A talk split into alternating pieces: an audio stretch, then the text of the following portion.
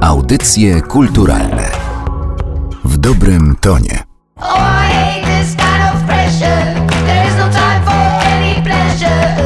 no shaking, too much coffee. I think I broke my toe, toe, toe, toe. I'm stuck Jeżeli klip ma działać, to piosenka musi mi odpowiadać. Katarzyna Sawicka, reżyserka. To nie musi być konkretny gatunek muzyczny, to nie musi być artysta, którego znam, bądź którego nie znam.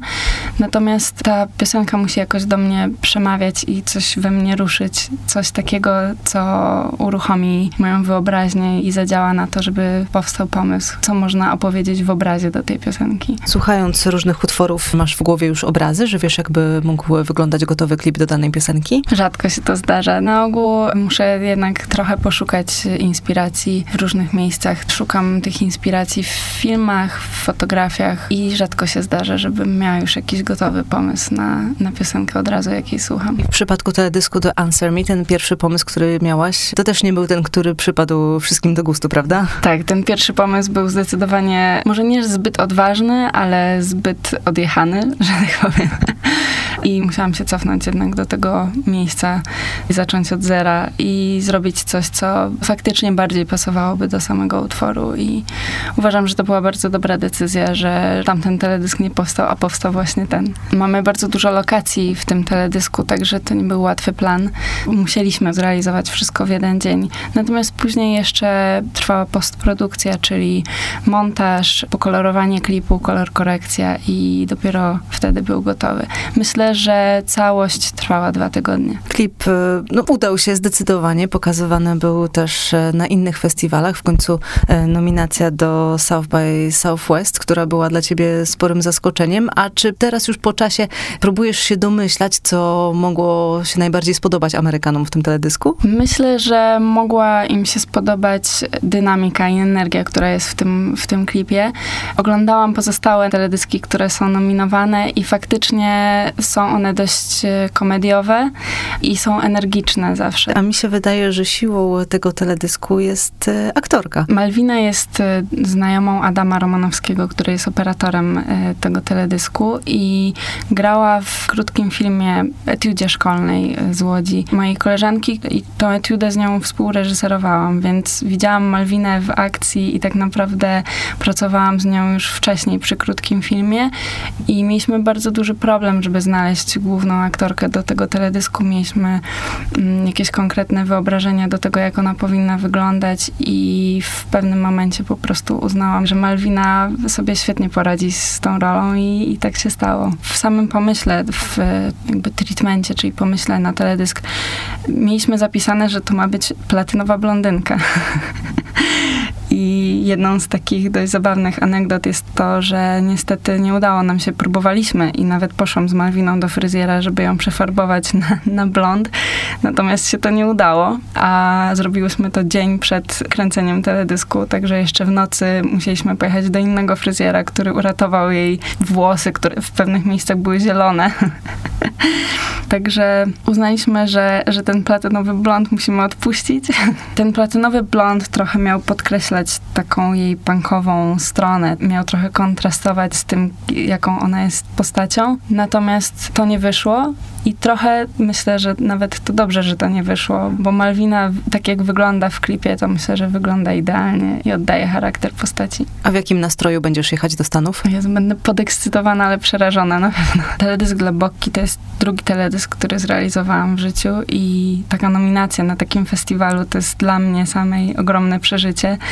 I w momencie, kiedy tak naprawdę zorientowaliśmy się z e, ekipą, że to jest pierwszy polski teledysk, który będzie kiedykolwiek nominowany na South by Southwest, to ta taka trochę presja w pewnym momencie też usiadła na to, bo czytam w niektórych informacjach prasowych, że to jest pierwsza nominacja dla Polski i to jest takie, taki trochę ciężar, to jest ogromna ekscytacja i ogromne, bardzo przyjemne emocje, natomiast to jest też trochę taka rzecz, której ja się w ogóle nie spodziewałam, że to jest mały sukces dla mnie, ale też okazuje się, że nie tylko dla mnie jest to sukces. A powiedz, jak ty oceniasz polskie teledyski? Czy to jest tak, że jesteś na bieżąco, oglądasz e, wszystkie, starasz się podpatrywać, co twoi koledzy, koleżanki po fachu robią? Tak, tak, zdecydowanie, zdecydowanie jestem na bieżąco z polskimi teledyskami i uważam, że dzieje się coś bardzo fajnego w tej chwili w Polsce. Wcześniej, myślę, że jeszcze 3-4 lata temu, dobre teledyski powstawały rzadko. Teraz jest ich coraz więcej i mam nadzieję, że, że to będzie szło tak dalej, że te dobre teledyski będą nadal powstawać. Babe, this is a serious Nasi twórcy jakby nie pomyśleli o tym, albo mieli tremę, żeby pochwalić się tym, co robią tam, gdzie trzeba. Dziennikarz muzyczny Piotr Mec. Bo to akurat, o czym teraz powiem, nie dotyczy teledysków, ale przecież wiele naszych zespołów zagrało na przeróżnych festiwalach, łącznie z tym, o którym mówimy, czyli SX, SW. I wiem, że to było tak, że był jakiś pierwszy odważny, który się zgłosił, okazało się, że jest ok, i potem się to jakby wszystko wylało, wysypało i teraz jest masa zespołów, które funkcjonują znakomicie za granicą, czasami nawet lepiej niż w naszym kraju, więc nie wiem, czy nie było tak z twórcami teledysków, że wydawało im się, że tamten rynek jest e, trochę hermetyczny i że co my tam możemy. A ja sobie myślę, że nasz rynek pod wieloma względami ma bardzo duże szanse, dlatego że działa na często trochę innych zasadach niż ten zachodni. Ja pamiętam, jak spotkałem się na festiwalu Sound Edit w Łodzi z znakomitym twórcą teledysków, który robił klipy i dla Eurythmics, i dla Depeche Mode, i dla największych, który powiedział, to nawet nie jest kwestia budżetów teraz, to jest kwestia tego, że teraz brief, który dostajemy, to często to, żeby ten teledysk się dobrze oglądał na telefonie. My nie możemy w tej chwili tak naprawdę zaszaleć i masę osób, które zajmowało się twórczo teledyskami, przestało to robić i robią to często rzemieślnicy. U nas jest inaczej. U nas teledysk w dalszym ciągu bardzo często jest strasznie ważnym narzędziem promocyjnym odpalającym nowy utwór i to powoduje, że y, jest traktowany, myślę, w dużej mierze z większą pieczołowitością i bardziej kreatywnie jako takie osobne zupełnie dzieło sztuki niż y, na zachodzie, gdzie często te teledyski są robione mechanicznie. To powoduje, że nasze świeże spojrzenie ma często szansę się przebić.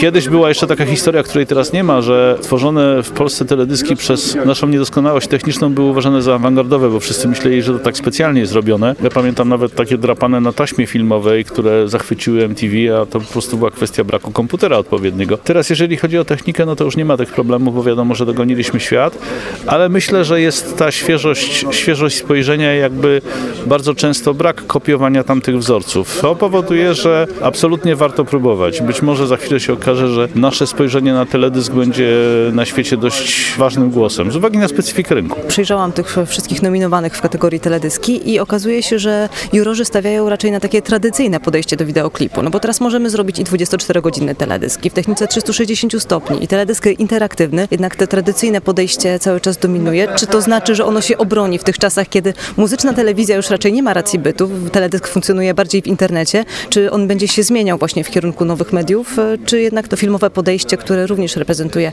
teledysk Answer Me, ma szansę się wciąż bronić? Z całą pewnością będą eksperymenty, o których nawet nam się dzisiaj nie śni, bo będą możliwe rzeczy robione w domu na telefonie, które do niedawna były nie do zrobienia dla firmy Pixar, ale zachłyśnięcie się technologią to jest e, jedna rzecz, a myślę, że to takie podstawowe, mainstreamowe jądro tego, skąd wyszedł teledysk i czym był w tych swoich najważniejszych osłonach zostanie.